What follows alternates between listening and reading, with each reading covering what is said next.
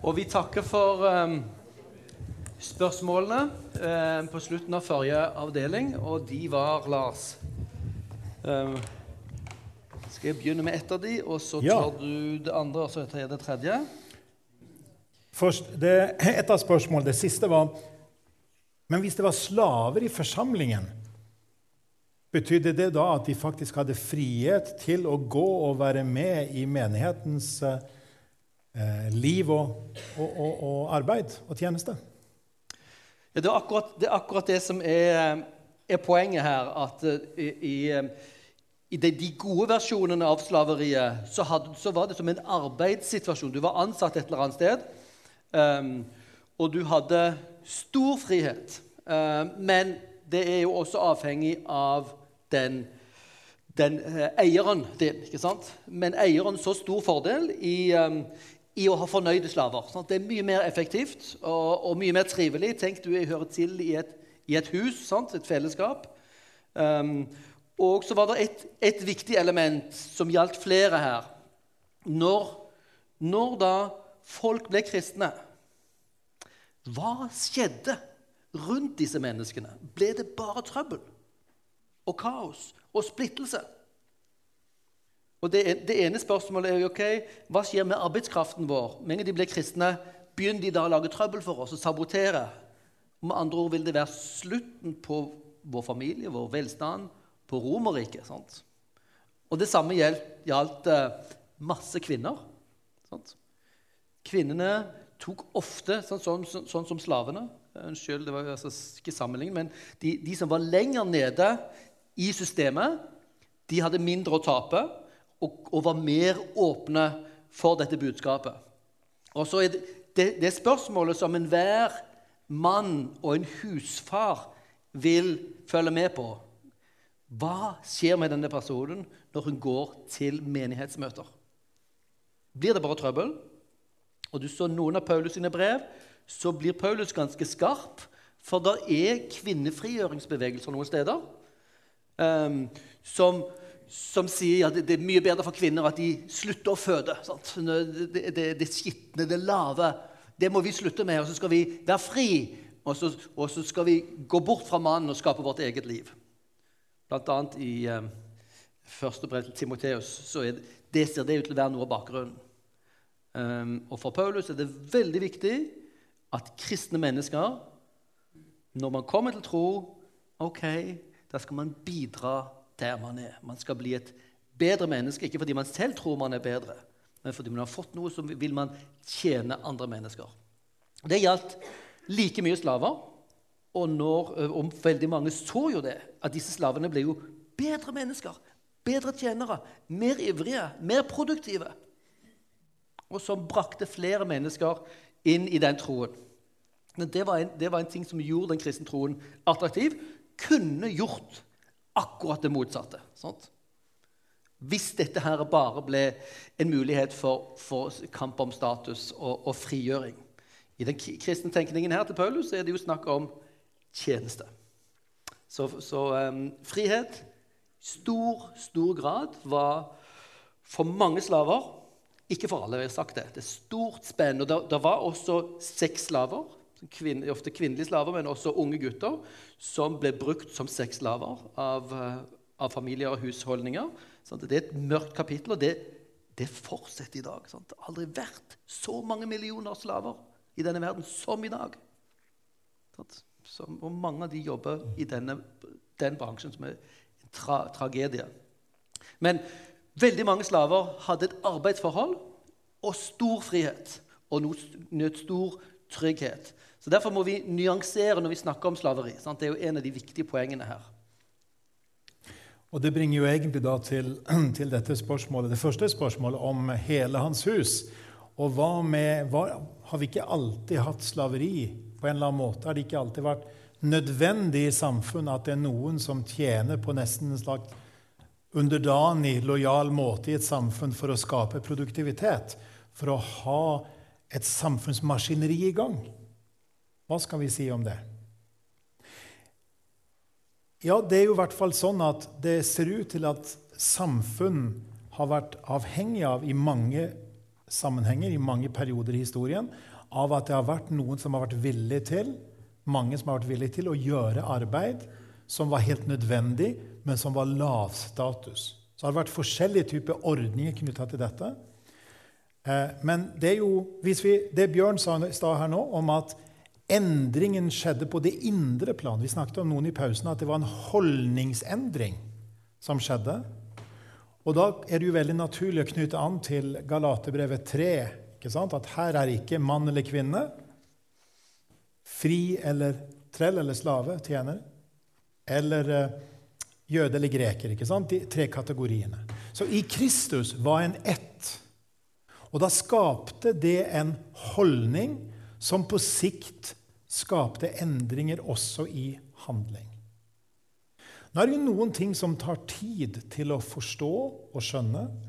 Og, og, vi er veldig lett å, å se, ha hele oversikten og hele fasten når vi ser bakover historien.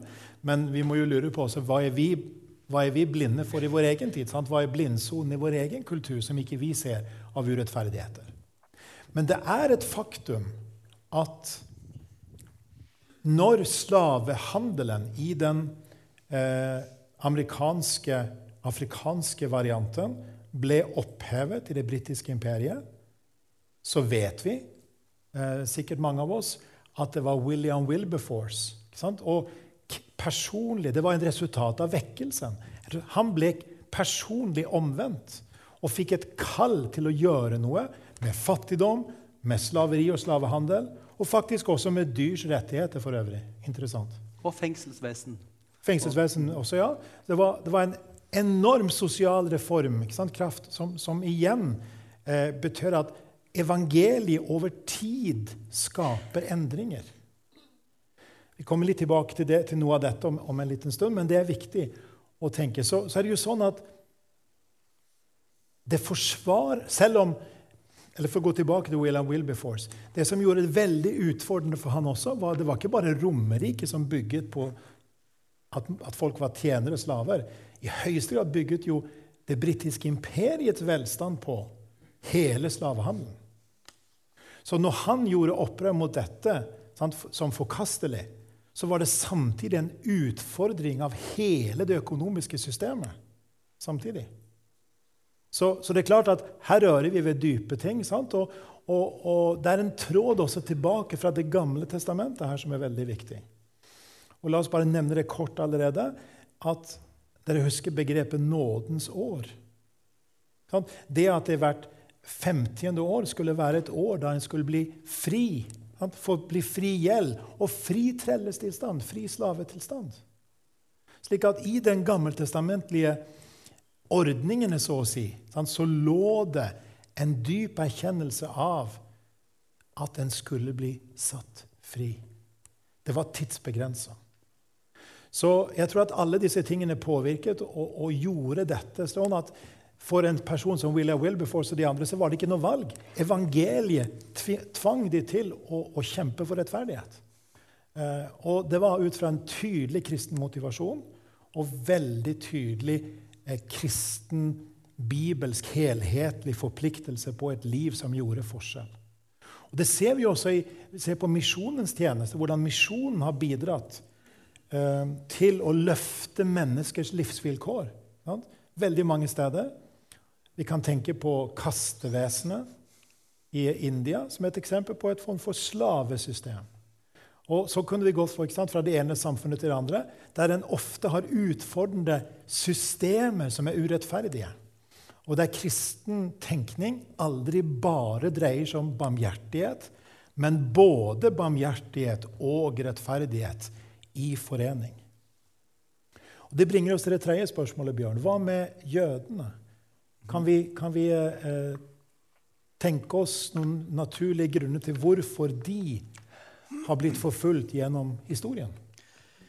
Ja, det er jo komplekst. Her er det mange som skriver om dette. her, sant? Men, men eh, hvordan kan vi snakke om jødene i det hele tatt, er jo det interessante spørsmål. Gjennom flere tusen år, sant? gjennom i hvert fall 3000, 3500, 4000 år, så fins det et folk som, som definerer seg som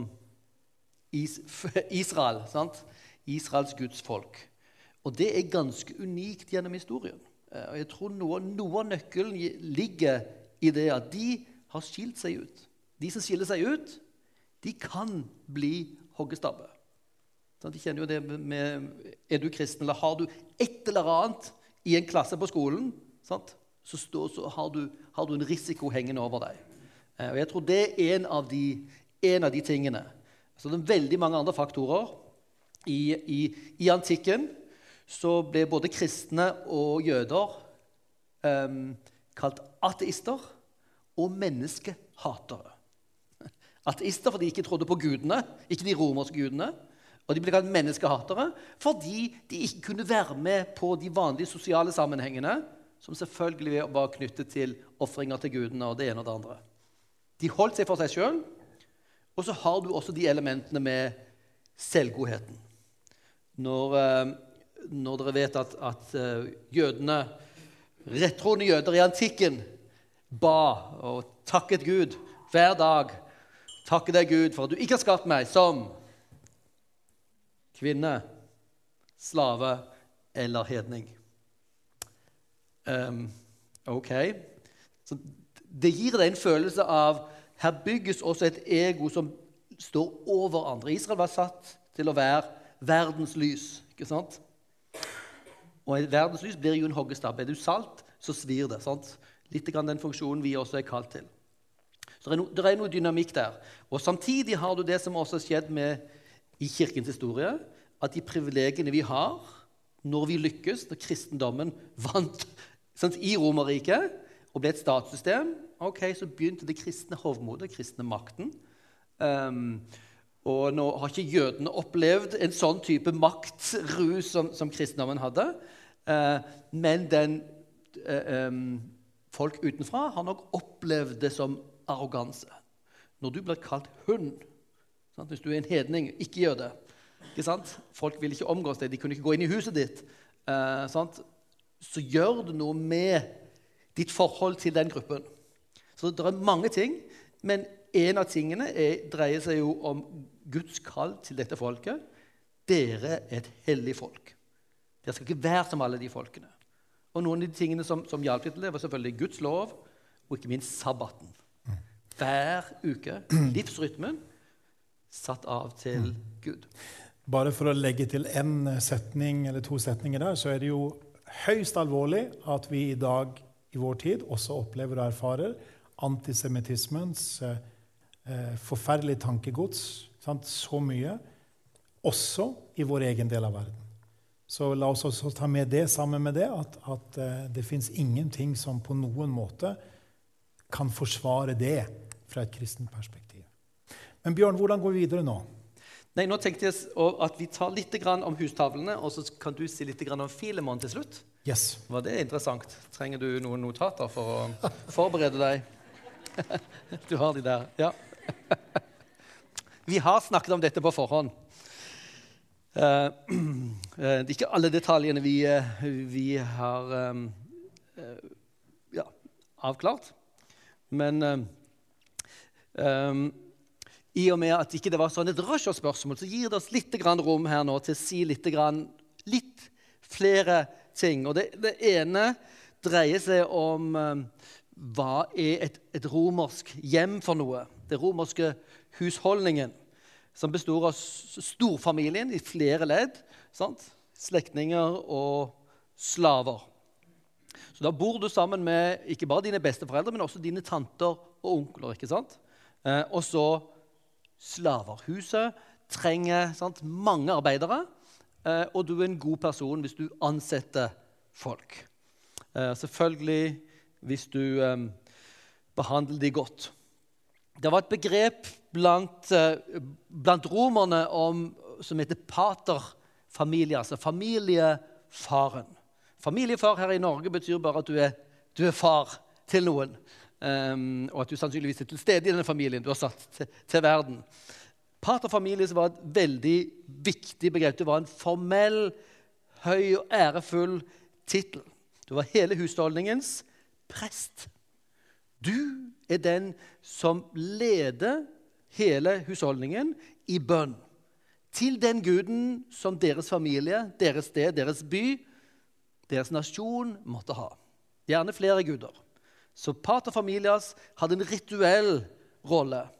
Og da gir det plutselig mening at når vi snakker om ja, og hele hans hus Ok, når pater familias skiftet tro, så er er de ritualene som foregår i det huset, blitt endret og skiftet ut sant? til tilbedelse, sang, det vi kjenner til i Nytestamentet.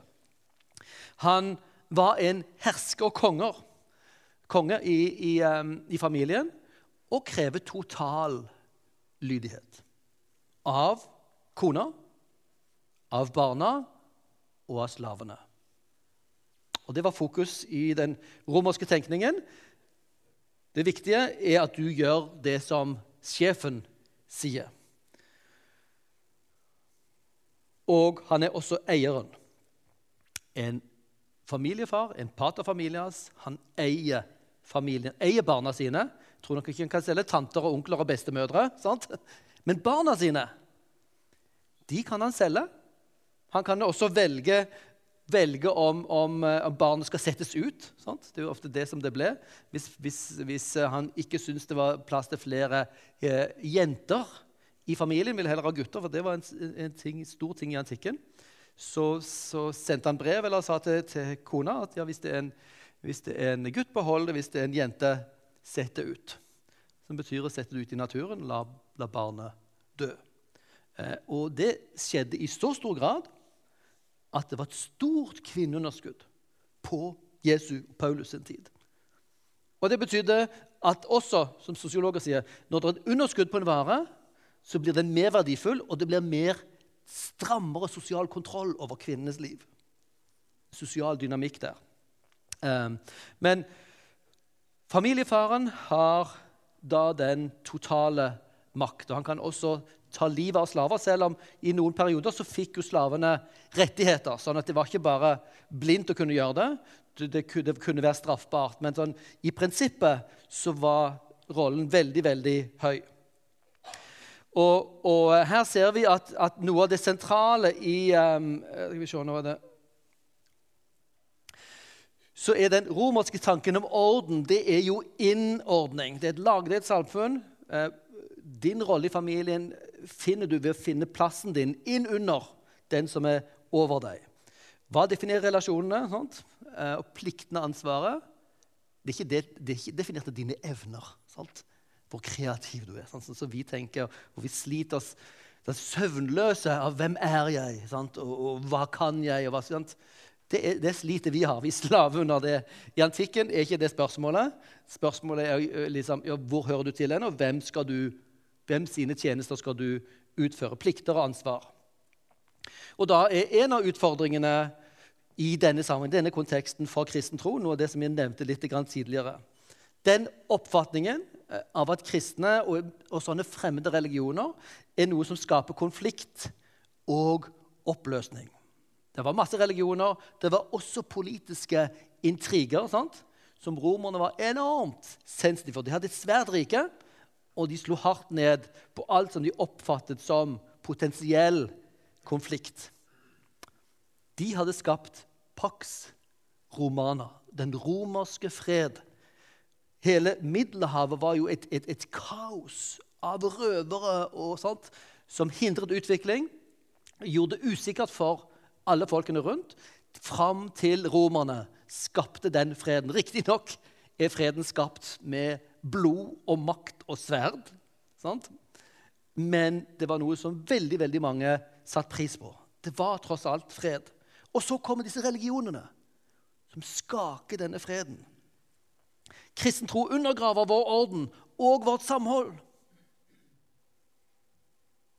Romerfreden er truet. Og På den bakgrunnen så trenger vi å lese det som vi kaller hustavlene hos Paulus. Um, det var en ting som gikk helt tilbake til de gamle filosofene.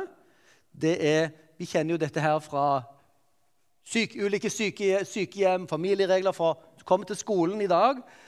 Første klasse så det ofte sånn Vi setter sammen, vi lager regler. Hva, hvilke regler vil vi ha? Vi, vi finner på de selv. I antikken var det de lærde som formulerte husreglene. Og det var egentlig regler som var rettet til sjefen for hvordan han skulle styre de som var under seg. Hvis vi går da fra, fra beveges fra Aristoteles sine hustavler eller husregler, så ser vi at Aristoteles han forutsetter bare husfaren som overordnet og alle andre underordnet. Han forteller menn hvordan de skulle få de andre til å underordne seg. Ikke det er ganske interessant? Filosofi og sånt var jo mennenes jobb. Og hvis du da i antikken sant, Hvis du var, blitt en eh, 25-30 år og hadde, eh, hadde anstendig, anstendig liv, så gifter du deg med unge jenter som har kanskje blitt 13-14 år. Og du får ikke store filosofiske samtaler med sant? Så kvinnene er ikke de du filosoferer med. Det er mennenes jobb. Så det ligger litt i det sosiale systemet, den, den ulikheten her, som Aristoteles preges av. Det som er interessant når vi beveger oss til Paulus, så snakker Paulus til kvinnene, til mennene, til slavene, til barna. Og det betyr ikke at de blir krenket. Det betyr dere er viktige. Dere er en del av dette spillet. Og han følger noe av den samme, eh, samme orden. Vi ser at det går nedover i, i systemene. Eh, kvinner underordner dere under ektemennene deres. Men interessant Paulus finner også på å si 'underordne dere under hverandre'. Det var ikke bare alle som skulle inn under pater familias. Vi skal underordne oss under hverandre. Sånt. I det kristne fellesskap så blir det nye strukturer som vi må innordne hverandre eh, etter, men under hverandre. Også kvinner underordner dere under ektemennene deres. Det vil være en ting som Aristoteles så som helt naturlig. Selv om han ville vel sagt til mennene sørg for at de lyer, lyer dere. Um, med hvilke midler dere måtte da bruke for det. Og så føyer Paulus til som det sømmer seg i Herren. Fordi dere tilhører Jesus Kristus. Sånt. Så skal dere innordne dere. Dere skal ikke lage kaos av familien og huset deres nå. Dere er kjøpt av Kristus, og det sømmer seg Hvis du tilhører Jesus, så sømmer det seg å, å respektere. Og Det ble også nevnt litt tidligere. Måten Paulus definerer underordning på. Ikke bare sånn blind 'ja, jeg gjør alt det du sier'. Det defineres som respekt. Som noen ganger kan bety at nei, du, at, at, du, at, du, kan si imot. Sant? Fordi du respekterer personen. Um, og Det er jo en interessant måte å definere underordning på, som er litt annerledes enn det man ofte tenker. Og så barn. Lyd, vær lydig mot foreldrene deres i alt. Det er til glede i Herren. Okay, det første ville jo Aristoteles kunne si. Det andre føyer Paulus til som begrunnelsen. Gud syns det er fantastisk når barna lyver, for det skaper fred og fordragelighet. Du blir bedre foreldre, du blir bedre barn, du får bedre hus. Og Så kommer han ned. Sånn det, det, går lagdelt ned. Mannen er på toppen. Um, slaver, adlyd deres jordiske herrer i alt igjen. Lydighet. Men så blir dette her eh, modifisert med ting som Aristoteles heller ikke ville sagt. Etter han har formant kvinnene, så kommer han med det trøkket på mennene. Tenk hvor mye vanskeligere det er å oppfylle det Paulus sier der. Men elsk konene deres, og vær ikke harde mot dem. Og ok Det som var ganske vanlig i artikken, er at du hadde en kone, du gifta deg, fordi hun skulle ta seg av huset ditt. Men du kan ikke forvente at det er så veldig koselig der hjemme. Hun sliter hele dagen. Hun må holde seg der hjemme. Du er ute for du er en fri mann og diskuterer med filosofene dine. Og så har du andre kvinner her, gledeskvinner der, kjærester der, kona hjemme. Det blir ikke veldig gode relasjoner av det. Mennene befales elsk konen deres. Andre steder sier han det enda hardere. som Kristus har gitt sitt liv. Det er helt helt fremmed tanke for Aristoteles, for ikke å si alle de andre i, i antikken. En befaling om å elske konene og også ikke være harde. De har en autoritet, og den skal de ikke bruke på en hard måte.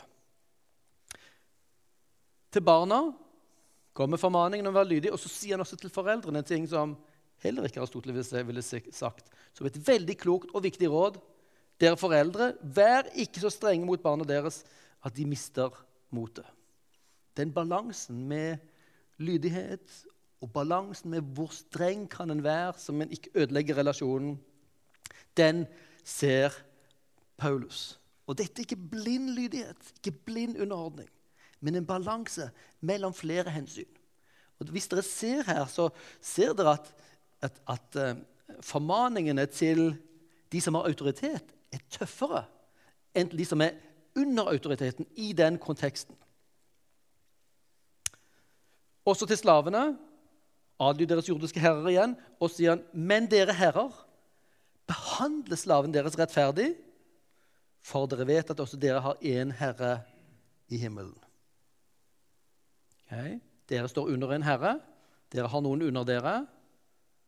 Han ser hva du gjør. Du står til regnskap for det. Um, som fullstendig undergrave disse ideene de da ville hatt om dette lagdelt, at 'jeg står over'. Det står noen over oss begge. I hans øyne så har ikke jeg høyere status enn min slave, min tjener, kvinnen og barna mine. Veldig veldig interessant og veldig utfordrende. Når vi bare leser disse tekstene som strenge formaninger sant, som trykker ned kvinnene, da har vi ikke forstått hva Paulus sier. Vi har heller ikke forstått hvor motkulturell han var. Jeg syns det er kjempeinteressant. Ja Skal vi si litt om en interessant case? Onesimus. Ja, er det en, en spørsmål her bak? Skal vi spare spørsmålet til etterpå? Ja. Flott. Eh, for det som er ufattelig interessant, er jo da at vi har et helt, en hel bok. Den er ikke lang, men den er like viktig som andre bøker i Nytestamentet, som er da brevet til Filemon. Og hele brevet egentlig dreier seg om hva skal en gjøre med slaven Onesimus? Altså en kjempeutfordrende situasjon for her hadde vi da en situasjon med en slave, Onesimus, som hadde stukket av fra sin herre Filemon.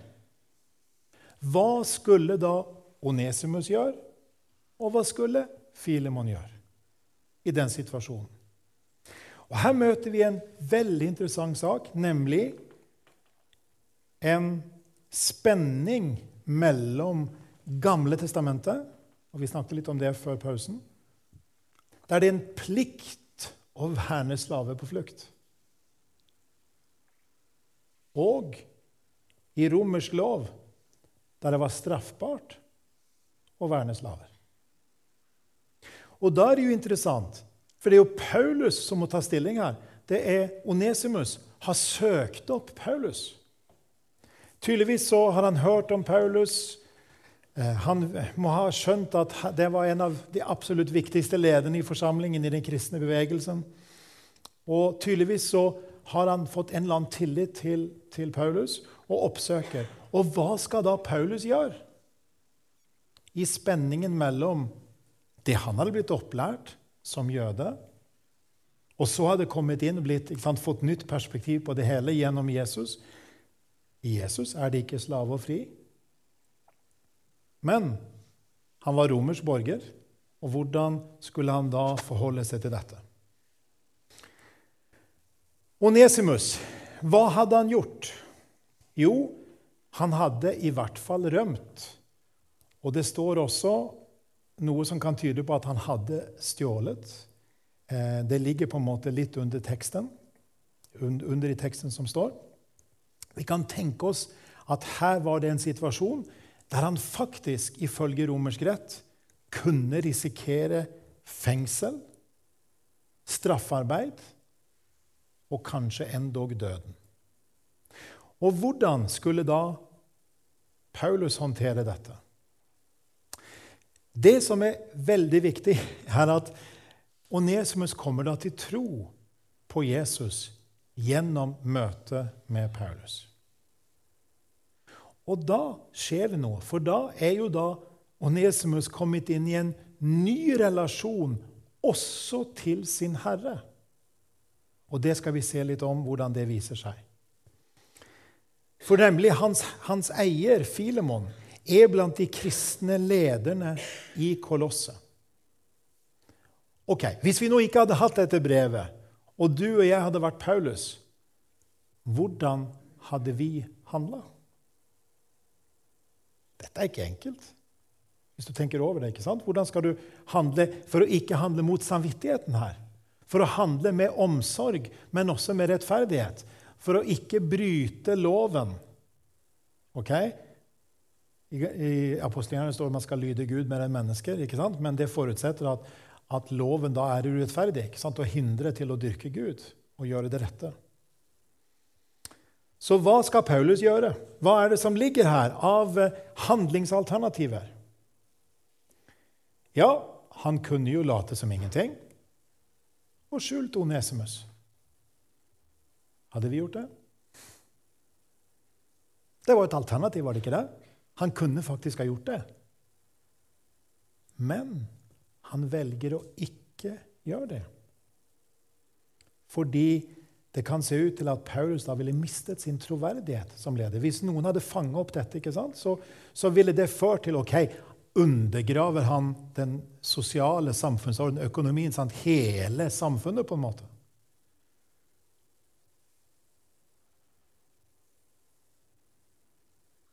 Paulus ville miste sin troverdighet. Videre Det som hadde skjedd med Onesimus var jo straffbart. Men i tillegg var Onesimus en slave som tilhørte Filemon. Og da ville det jo faktisk være tyveri å beholde Onesimus hos seg, ikke sant? fordi han tilhørte Filemon, ifølge romersk lov. Og det Paulus velger, det er å sende han tilbake. Med enorm risiko for Onesimus kan lure på hva Onesimus tenkte. Her var det mye som sto på spill.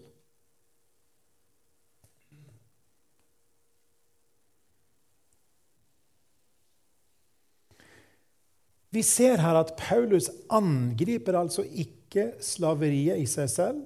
Han tar slaveriet for gitt. Men han forvandler relasjonen mester-slave. Og Det er det vi ser. Og Jeg vet ikke om dere har lest eh, noe av det, eh, det som står her i, i Filemons brev i det siste. Det er altså så vakkert skrevet. Vi skal ha et av de fineste versene her. Sterkeste. Kanskje ble han tatt fra deg for en stund for at du skal beholde ham for evig. Ikke lenger som slave, men som noe mye mer. Som en elsket bror. Altså, det har blitt en ny relasjon fordi Onesimus har blitt kristen, så er det en ny relasjon mellom han og Filemon som endrer hele deres forhold. Det skjer altså en forandring innenfra. Og dette gav grunnlag for revolusjon i synet på slaveriet. Her var det mer enn bare spørsmål om dårlig behandling eller spørsmål om rettigheter. Det det kokte ned til, var spørsmålet om menneskesyn. Spørsmålet om likeverd. Utrolig radikal tanke ikke sant? i et så lagdelt samfunn. Og skal vi være ærlige, så har vi vår måte å tenke på sosial status og lagdeling i vårt eget samfunn. ikke sant? Jeg hørte akkurat eh, dagens eh, nyhets, En av nyhetene da var, var hvem som var rikest i Norge. La det være usagt hvem det var, men ikke sant? det er ikke en ukjent person, det.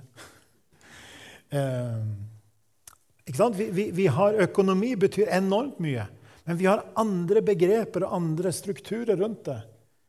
Men likeverd er en utrolig radikal tanke. Men ikke bare det. Brorskap er en radikal praksis. Og det er interessant å merke seg at franske revolusjonen Um, liberty, egality, fraternity. Sant? Frihet, eh, likhet og brorskap er på en måte en sekulær utgave av evangeliet. Og kan nevne i parentes bemerket at eh, en av de fremste kristne tenkende samfunnskritikerne i dag, Oz Guinness, eh, har akkurat gitt ut en bok som heter 'The Last Call of Liberty'. Uh, 'Last Call on Liberty'. Da han sier at det, det, som skjer i USA i dag, er en dyp samfunnskonflikt som går tilbake til to forskjellige samfunnsidealer. Den ene var den amerikanske revolusjonen, som aldri ble praktisert konsekvent, bl.a. pga. slaveriet. Det var, det var en motsetning i prinsippene og praksis. Og den franske revolusjonen, som aldri greip så dypt i menneskesyn og forankring. Veldig, veldig tankevekkende. Så brorskap en utrolig radikal praksis. Men ikke bare det. Kjærlighet. Ser at For hvert trinn så går det dypere, det går lengre ned, det omfatter mer. En radikal holdning. Og Går det an å tenke seg at en slaveeier, en pater familias, kunne behandle sine ansatte sine tjenere, sine slaver, galt hvis han hadde møtt Jesus, hvis han var blitt kristen. Sant? For da måtte han ta inn over seg likeverdet og kjærligheten og brorskap i forhold til de som var kommet til tro. Og som det står i Nytestamentet, en skal behandle de som både har kommet til tro, og de som står utenfor, med respekt, med kjærlighet, med raushet. La oss si noen få ord også om, om hvorfor bekjempet ikke Paulus slaveriet. Vi må jo være realistiske at kristne var en forfulgt minoritetsreligion uten politisk makt. Eh, I den første tida så, så nøyt krist, de, de kristne og kirken nøyt eh, den lovmessige retten de hadde, som såkalt jødisk sekt. Men når det ble brudd med synagogen, så kom de ut på egen kjøl sant, i, i, i, myndighetenes øyne. Og da mistet de den beskyttelsen som jød, jød, jødene hadde i den første fasen. Og da er det helt opplagt at de hadde samfunnets mistenksomme blikk mot seg. Hva ville skjedd? Særlig tenk, tenk oss, La oss tenke oss tanken fordi forsamlingene var fylt av slaver, av, av folk som da ville gjort opprør. Og hvis de ville gjort det, så ville sannsynligvis det svært radikale ting ha skjedd. Myndighetene var på vakt mot uro. De, vi snakker om Pax Romana, om dere husker den, den romerske fred. Altså, det var om å gjøre å ikke, aller helst ikke komme i krig, men holde ytterveggene eh, hos i grensene, sant, eh, sikra og så ro og fred innad for å kunne bygge velstand med hjelp av hele systemet. For videre så hadde altså ikke Paulus en politisk agenda. Hans budskap var om å komme til tro på Jesus. Og så så det at ved de formaningene han ga f.eks. på hustavlen, så forandret dette samfunnet innenfra over tid på et veldig dypt plan. Og I denne sammenheng så er det viktig å merke seg at her ventet en på Herrens komme. Og det er jo da en ny hersker som skulle komme. ikke sant? Det, vi snakker da om å være underlagt Gud som den absolutte autoritet. Eh, og det er jo faktisk en kjempeutfordring å forkynne dette Eh, det står jo en plass i, i apostelgjerningen at eh, de forkynte at en annen var konge. Eller keiser eller herre. Sant? I, i apostelgjerningen 17, de første versene. Nemlig Jesus. Det blir oppfatta som noe som veldig lett kunne være mot keiseren. Og Derfor var myndighetene meget sensitive til enhver form for politisk undergraving i denne sammenhengen. Videre det var ingen på denne tida som ønsket å oppheve slaveriet. Faktisk ikke engang slavene. Det var på en måte, det lå i ryggmargen. Dette var en del av naturretten, så å si. Sånn tenkte folk at det skulle være. Derfor var det ikke realistisk. Romerriket var basert på slaveriet, omtrent som vi i dag er avhengig av elektrisitet og olje. Bare forstå hvor, hvor, dypt dette lå i selve strukturen i samfunnet. Det var videre ikke mulig fordi den romerske, effektive, brutale hær ville ha slått ned på ethvert opprør. Og vi har eksempler på slavekriger der, der, folk ville blitt massakrert, eh, alle involverte.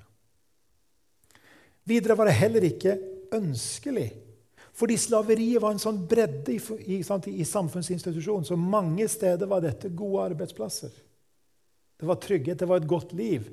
Det var mulig til å eksistere som såkalt dulos, tjenerslave.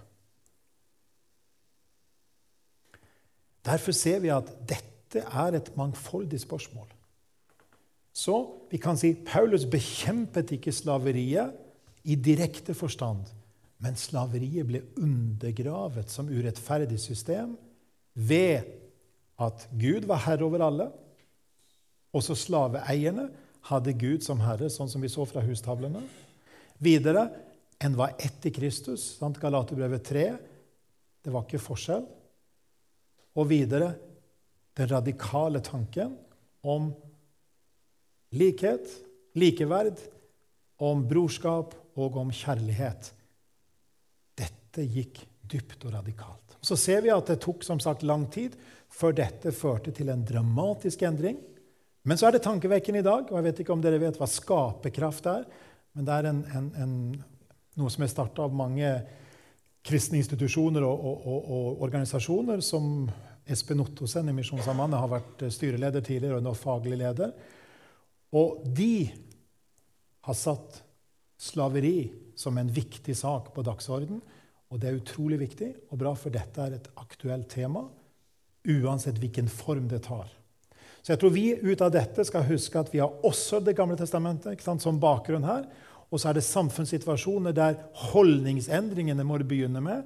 Og så kan det føre til handlingsendring og føre til samfunnsendring over tid. Men å leve både med rettferdighet og barmhjertighet som en viktig del av det som er kallet til å, til å leve i troen på Jesus. Skal vi ta noen jeg, jeg, tror, jeg, tror, eh, de spørsmålene som er igjen nå, jeg tror vi tar de fram her, siden vi hadde en avtale. Det, vil si, det slapp ut av meg, Lars. Vi skulle være ferdig til kvart over. Og nå er han ikke kvart over lenger. Vi hadde ett spørsmål som en spurte om. men jeg tror den personen kan våge å komme fram til oss og stille spørsmålet ansikt til ansikt. Um, og um, jeg tror vi skal la folk få lov å gå um, nå. Uh, og hvis du våger å komme fram, så skal vi ta spørsmålet på alvor. Men skal vi si én ting før vi uh, ja. gir oss? Og det er at i kveld har vi lyst til å rette fokus på to bøker. Det ligger noen flere der ute. Men særlig bøkene av Bjørn Are Davidsen Bjørn Are Davidsen er eh, sivilingeniør. Han har jobba som innovasjonsleder i Telenor. Ingen av oss har noen gang hørt om han har gjort det, men han har skrevet mange bøker. Eh, så utrolig kreativ, veldig morsom og utrolig kunnskapsrik. Eh, 'Da jorden ble flat mytene som ikke ville dø' heter det en bok. og Den er omtrent, minst like underholdende som tittelen og lettlest. Det er en bok som der et av kapitlene dreier seg om slaveriet. Som et eksempel. ikke sant? Mytene. Så så eh, den tror jeg koster så mye som 159. Wow. Det er jo ingenting, nesten.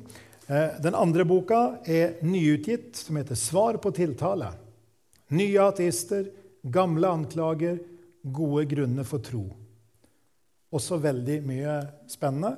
Så de to bøkene fanger opp en del av det vi har snakket om i kveld, og ellers å anbefale som Og det som er veldig ok, er at det er også veldig enkelt å finne ut hvilke temaer det gjelder. Det er veldig oversiktlig innholdsfortegnelse, så en kan lese det en ønsker. Det er for øvrig veldig gode gaver når det etter hvert nærmer seg en høytid. Viss høytid. Og en, en morsom ting er jo at Tom Egeland, som har skrevet Kodeks, som vi startet med, han sier om Bjørn Ara Davidsen han er den kuleste kristne jeg kjenner. Så det er en anbefaling av Bjørn Det står bak bakpå boka her at Ja. eh, 'jeg tror ikke på Gud, jeg tror ikke på Bibelen som Guds ord'. Jeg, jeg tror ikke på profeter, men jeg tror på Bjørn Are Davidsen. Han er den kuleste kristne jeg kjenner, osv. Så, videre.